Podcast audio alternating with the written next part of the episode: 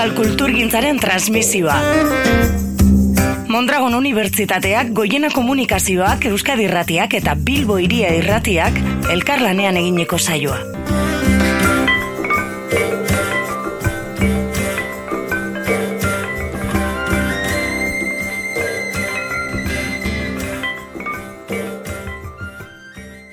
Euskal Kulturgintzaren transmisioko saio honetan, gaurkoan, ba, Euskar, aurkazpen gutxi behar duen pertsona dugu. Ez doka mairun ibilitakoa, eh, hainbat saltzetan aritutakoa, sortzaia, poeta, medikua. Gaurkoan, Jose Angel irigarai izango dugu, bidai lagun, haupa Jose Angel. Kaixo, txaldeon. Eta Eh, gaurkoan aipatu duzuna, e, transmisioa, kultur transmisioak duen garrantzia, ez? Hori azpimarratu duzu e, itzaldia abiatzerako orduan. Bai, noski, bai, hori batetik e, kultur gintzaren transmisioa zeinen baitazpadakoa den gure herrian eta herri guzietan. Mhm. Gertatzen dena da, herri guziek badituztela hortarako tresna egoki edo ez egokia, baina baditu zela tresnak, goi mailakotik hasita beherainoko mailetara iritsi arte, baditu zela ba, medioak, irratia, telebistak, eguneroko jarduerak, etengabekoak, kirola barne, eta bar, eta bar, eta bar, nun hoien bitartez transmititzen baita beti, eh, kulturera bat, estilo bat, munduan kokatzeko era bat, eta Eta hoiek denak e, nola ere mm, ba, instituzionalizatuta dagoen gizarte bat, bati dagozkio. Eta instituzionalizatuta, alegia, estatua duen e, gizarte bati. Orduan, e, are garrantzizkoago da, guria bezalako kasuetan, ba, kulturgintzaren transmisioa egitea eta hori areagotzea. Eta hortarako, ba, hemen, aspaldi hontan eratzen den kulturkintzaren transmisioko ikastaro hau oso oso garrantzizkoa iruditzen zait. Beste alde batetik eh, azpimarratu dut kulturgintza ez daitekela ba, politikaren barruan ezpada ongi ulertzen. Ze kultur politika eta politika kultur eh, binomio diruditen horiek azken finan oso elkarri lotuta doaz, ez? Mm Eta atzera egin duzu hasiera batean ere, ze irurogei garren amarka da horretara e, joan zara pizka bat, e, ba, gaur egunera begiratzeko ere nolako e, ibilbidea izan da, ez? eta e, zubi lanez e, jardun duzu. Bai, e, gertatu zen, e, ego Euskal Herriari dago kionez, e, hogeita masei garreneko gerlaren ondoren, ba, ondamendia gelditzen da, ondamendi bat mm dago gure herrian, e, komplejo handia, errepresio handia, erbesteratu asko, hildakoak ere bai, eta abar, eta abar, eta abar, eta isilpeko lana baizik ez da gelditzen. Eta hor izan zela, belaunaldi bat, bai hemen, eta bai erbesteratu behar izan zena, e, zeinak egin baitzuen, zubilana, hain zuzen ere, zeuden adabakiak eta zatiak eta kultur e, tresnak eta gelditzen zitzaizkigunak eta e, lehendik garatutako bideak eta oidenak altxatzen, e, gordetzen mhm. eta bizirauten ez? Eta gero, ba, faktore asko tarteko, irurogeiko amarkadan, hasten da beste mugimendu bat. Ja, ja ez hainbeste beharrak eraginda, gauzak gorde beharra, altxatu beharra, mantendu beharra, mm, beti hori badago ere, laster nagusitzen da egin naia. Ez? Egin naia, sorkuntza munduan murgiltzea, eta gainera kontzientzia oso interesgarri batekin eta da sustraituta egotea gure herrian eta ere berean mundu mailan egotea. Mm. Bat ere kontraesanik gabe, ez baitago kontraesanik, alegia, mm inun zaudelarik ere munduan zaude. Eta gure herrian hori nobedadea zen, baina garai hartan bai dantzan eta kantagintzan eta antzerkian eta arkitekturan eta poesian literaturan, arte plastikoetan eta oso nabarmena izan zen, eta horrek besteak beste eman zion, eman zion bultzada eta eman zion e, indarra sozializatzeko sozializatu zen moduan. Mhm. Eta pizka bat e, kulturara etorri eta testu inguruan ere kokatu diguzu ez, eta bi salbuespen e, aipatu dituzu. Batetik, e, bueno, instituzioak daude eta horiek kultura e, bultzatzen dute, eta bestetik herrigintza. Eta hor jarri duzu fokua gurean herrigintzak bai. garrantzi handia izan duelako. Bai, ni e, garai batean hemen ere e, ikastaro hontan erabili nuen institutua eta instituientearen arteko dialektika hori, ez? Bata da instituituta dagoena eta bestea dago beti magma bat azpian dagoena. Eta men, menpeko herri batean ze esanik, ez? E, dena da instituiente, azken finean ze dagoen instituitua beti da arrotza, beti da kanpotik e, ezarritakoa, ez bere baitatik sortutakoa, ez? Hori, hori esan eta gero, bai, diozuna, oso garrantzizkoa da kulturgintzan, bata da instituzio gara egiten dutena eta goiti bera ba, markatzen, sustatzen eta promozionatzen dituzten kulturerak eta hildoak eta lorpenak eta bar, eta ez daude gaizki, baina e, are garrantzizkoago da herritik, e, herrigintzatik eta herritik behetik gora e, loratzen dena. Eta gure herrian, zorionez beti izan da hori eta gauzaik garrantzitsuenak eta interesgarrienak esanen nuke beti beti gora sortu izan direla, ez? Eta jarri dugu ba hezkuntza sistemarena, ikastolen mugimendua, kooperatibak eta beste hainbat gauza. Prensa ere bai, euskarazko prensa beti herrigintzaren eraginez sortutakoa izan da. Eta hori zorionez e, mantentzen da eta nik uste horrek ematen duela gure herriaren jitearen, izaeraren berri. Ez? E, behar bada badugu autogestionatzeko eta gauza beti gora egiteko mm, ba, demokrazia ditzen den, e, oinarrizko demokrazia mm. hortan oinarritutakoa egiteko joera, eta nik uste hori oso osasungarria dela, bai geuretzat eta bai gaur eguneko munduaren ere. Mm bestetik ere jardun duzu politika kulturaz eta kultur politikaz, eta baita ere, eh, esan duzu, dena da politika, baina, bueno, konta duzu.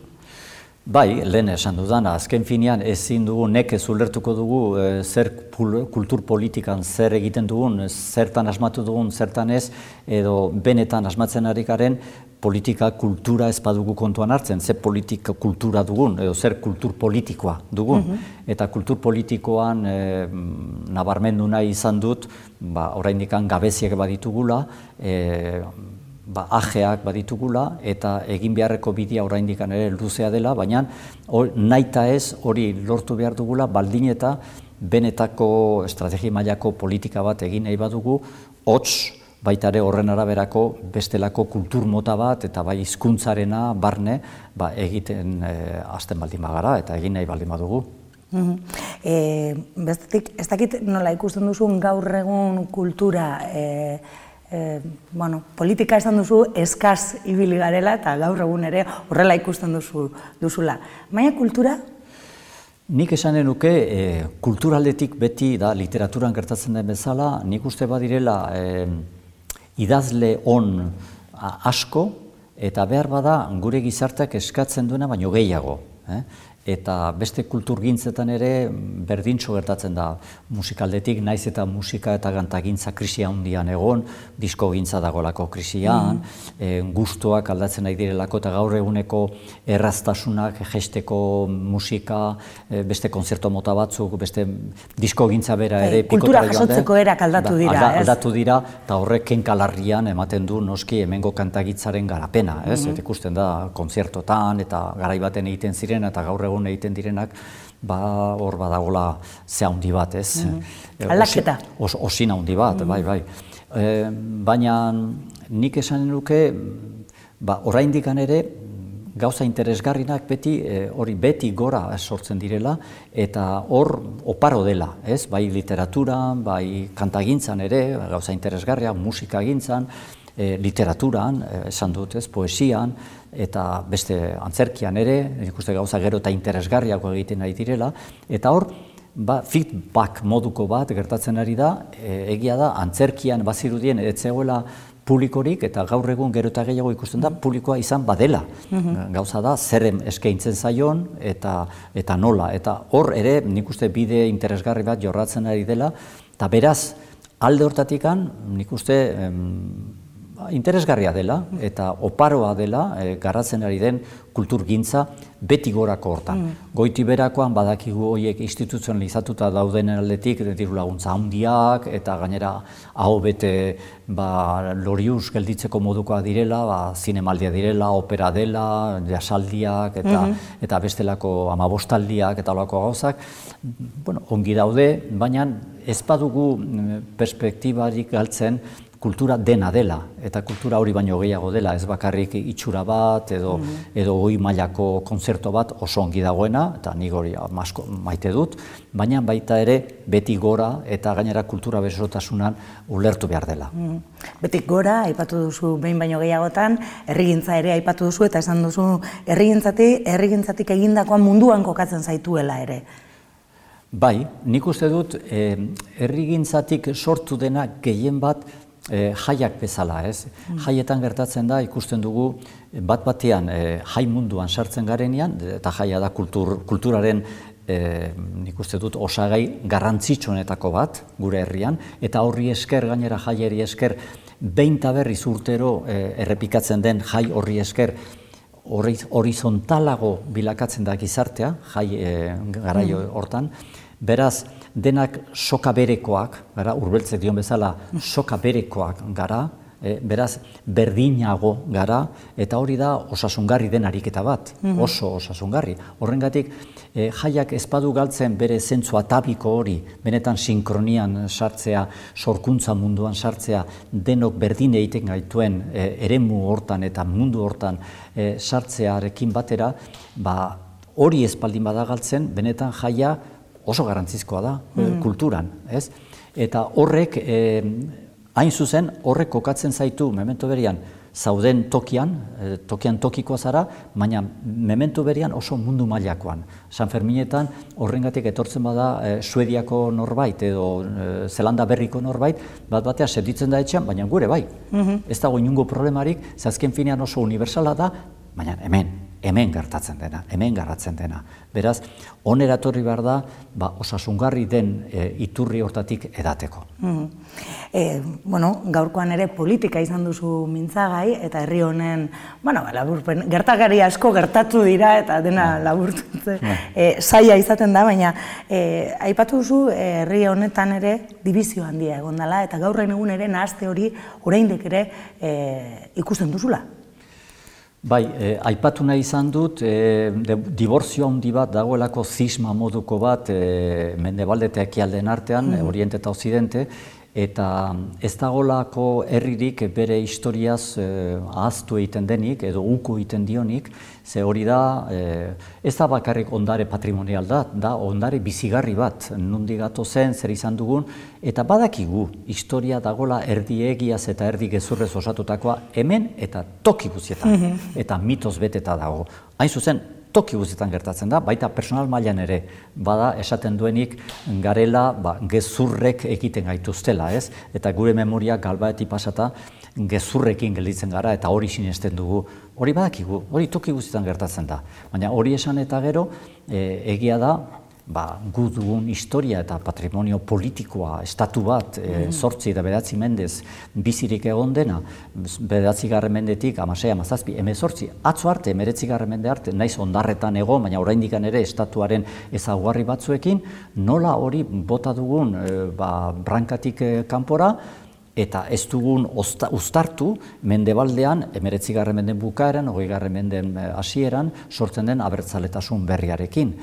E, naiz eta abertzaletasun berri hortan ere egia da, gero, ibilbidea egin eta gero, bide puska bat jorratu eta gero, oroitzen eta gohartzen dire, ah, baina ba, ba, ba Nafarroko resuma, gu gara oin ordekoak. Hori, arana bera ere gamazada gertatu zenian kastejonera joaten da ikurriñarekin, eta ohartzen da, Nafarroan badagola tradizio bat estatala. Mm -hmm. Eta Jos Antonio Agirrek zesanik ez, gerra garaian eta zeukan botere murriztuarekin, baina botere nahiko ia gobernu independente bat zeukan, monetarekin mm eta, eta gauza eta armadarekin, e, gerra garaian, baina eta ohartzen da gu Nafarroaren e, oinordekoa gara. Orduan, esan dut eta azpimarratu nahi nuen, hori gakoetariko bat da gure, gure nortasun, gure izaeran, Euskal Herria osotua nahi baldin badugu, ba, zisma hori nolazpait ere konpondu behar dugula, e, hori arrindu behar dugu, eta tradizioiek txertatu behar ditugula, mhm. ba, benetan aurrera joko badugu, eta benetan estrategi mailara igoko bagara. Mhm eta transmisioa, ez? E, Sentzazioa duzula hori ez dela transmititu, galdetu ere. Tradizio politiko hori ez da mm. transmititu, eta tradizio politiko hori bezala, tradizio horren barruan dauden kultur osagaiak ere ez dira transmititu mm. naiz eta noski zenbait esparrutan bai. Adibidez letra munduan dabilen e, edo zeinek badaki Joanes Leizarragak testamentu berria idatzi zuela. Joanes Albert e, gure azkenetako erreginak eragindakoa Nafarroko erreginak eta ba, badaki hori. Baina hori mm, komunski aman komunean jende asko ez daki. Eta batez ere Nafarroko erresuman zer nolako garapen filosofikoa eta politikoa gertatu zen lehen aldikotz kortea eta euskara eta hizkuntza eta kultura uztartzeko. Eta hori, ba, bueno, bakigu porrota, e, porrotean gelditu zela, hain zuzen ere, erasopeko egoeran galdu zenian ja, e, galdu behar zena, galdu zena. Aipatu duzu orain memoria ere, eta herri batentzat e, memoria ezinbestekoa da, eta oroimena ere, ez? Noski, e, nik uste, bai personal mailan eta bai e, kolektibo mailan ez, ez da, ez personarik, ez kolektiborik, memoriarik gabe bizi daitekenik. Ze memoriak egiten gaitu eta ematen digu zentzua egiten ari garenari. Ez memoria hortan edo iragankerian gelditzeko, hori ezinezkoa da, eta inorkeztu hori nahi, baina bai hortik ikasteko eta hortik abiatzeko, eta horrek ematen digulako zentzu bat, bai personal mailan eta bai kolektiboan. Beste naz, eh, alternatiba aukera da Alzheimer eta inork ez du ez personal mailan eta ez herri mailan Alzheimer izatuta gelditu nahi. E, periferian dagoela kultura esan duzu, baita ere, eta garrantzitsua dela beti ere erdigunera ekartzea.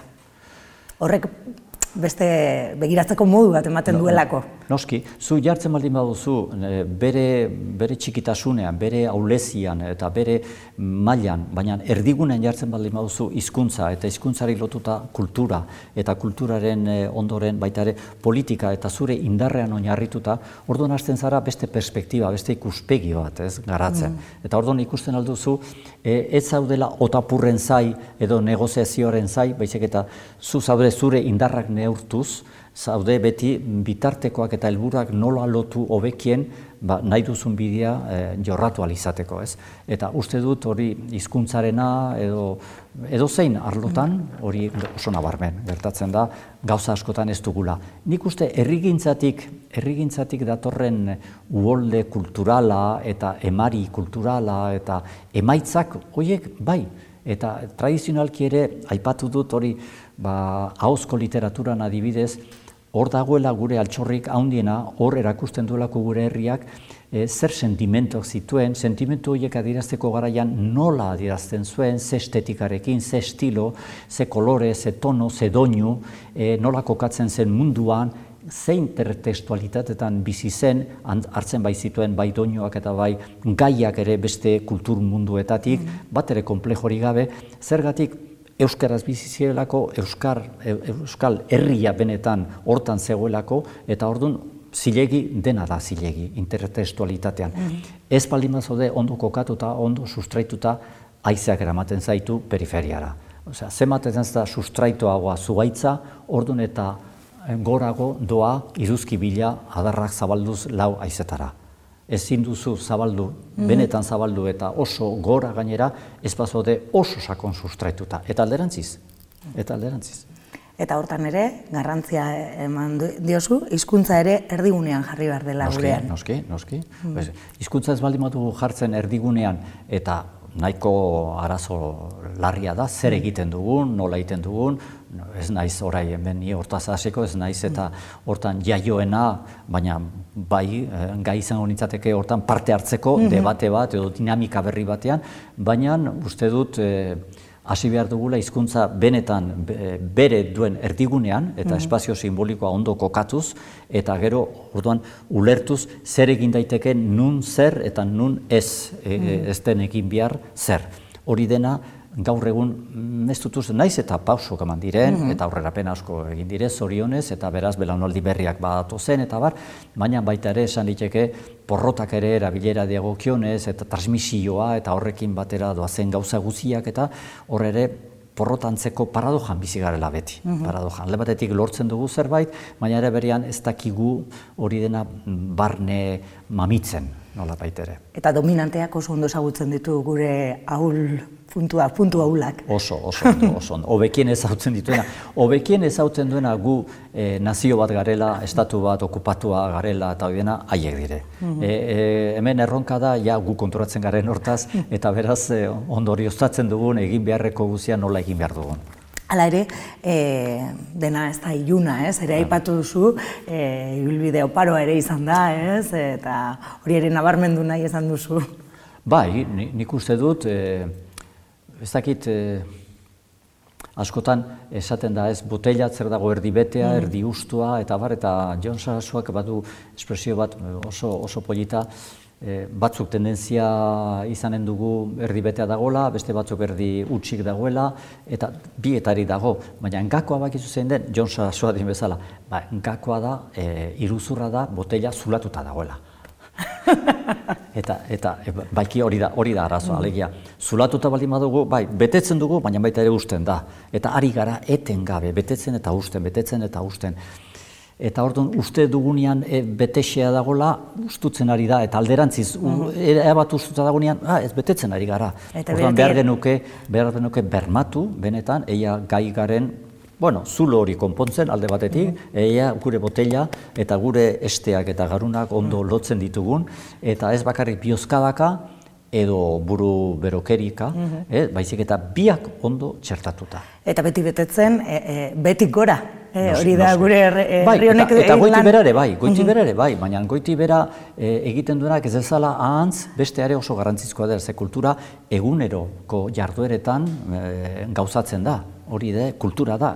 Munduan kokatzeko modu bat, e, existitzeko manera bat, harremanak e, jarduerak, e, elgarren arteko respeto edo ez errespetuak, eta hori da modu bat, eta hori da kulturaren ezagurri bat ere bai.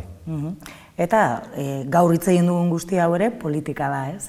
Munduan mugitzen duena. politika ez baldin bada hori, e, politika dena da, bakarrik gertatzen dena da gure galeraengatik eta konplejoengatik eta beti ere mm, gutxituak eta minorizatuak eta intoxikatua izan garelakoz eta dakigulako politika mailan ere zenolako galerak izan, mm. eta porrotak izan ditugun, beldurra diogula eta tendentzia jore izan dugu Azteko zeta bat, beldurraren gatik, ze mhm. badakigu horrek errepresioa ekartzezakela, eta da, politikaz isilik, ez, politika ez, ez, ez mintzatu, ez.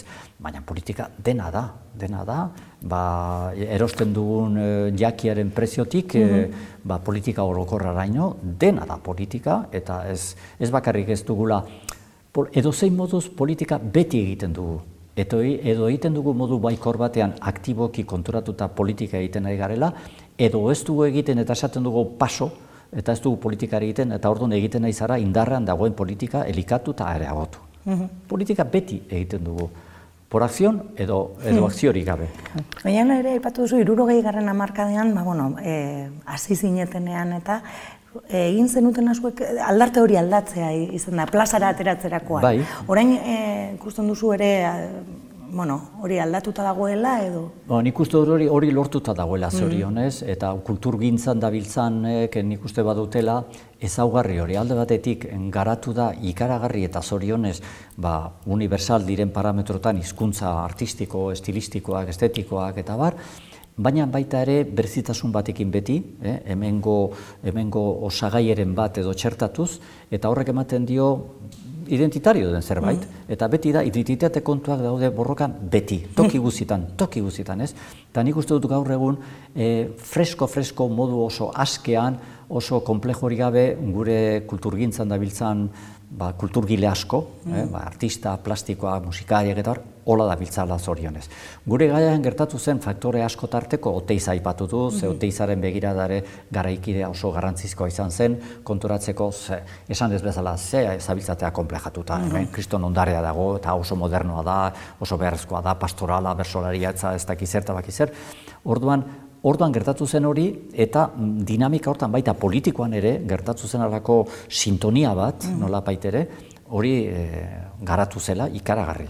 Gaur egun, iruditzen zait, zorionez, ba, nik ezautzen eh, dudan kulturgintzatik e, dabilen dinamika, hola dabiltzala, mm. zorionez. Ez? Mm. Begira, irekiera horrekin, Bai, ez, bai, mundura bai. begira, bai, eta, e, eta sustraituta, badakitela nundik, eta badakite munduan daudela memento berian, eh? eta bada, baina badakitela baita ere hemengoak izateko arrazoia badutela, eta bat ere konplejurik gabe.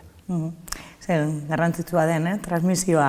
Hoxe, nik e, hori azpimarratu dut, oso garrantzizkoa da e, ikastaro hau, eta ikastaro hontara etortzen direnak ere, nik uste uste izatekoa da, hoie gero zabaltzen dutela, Bai, bai, bakoitza bere esparruan, eta Bueno, e, eta pixka- e, e, Saio hau egiten ere. itxas, itxasua pixka bat zabaltzen dela. Ez? Ba, ba, Jose Angel hemen utziko dugu, Bai. eskerrik asko. Zuri, Eta zuri. hurrengo batean, Vale, eh? plazarra izango da zuen zutea. Vale, mila esker, zuei. Euskal Kulturgintzaren transmisioa. Mondragon Unibertsitateak, Goiena Komunikazioak, Euskadi Irratiak eta Bilbo Hiria Irratiak elkarlanean egineko saioa.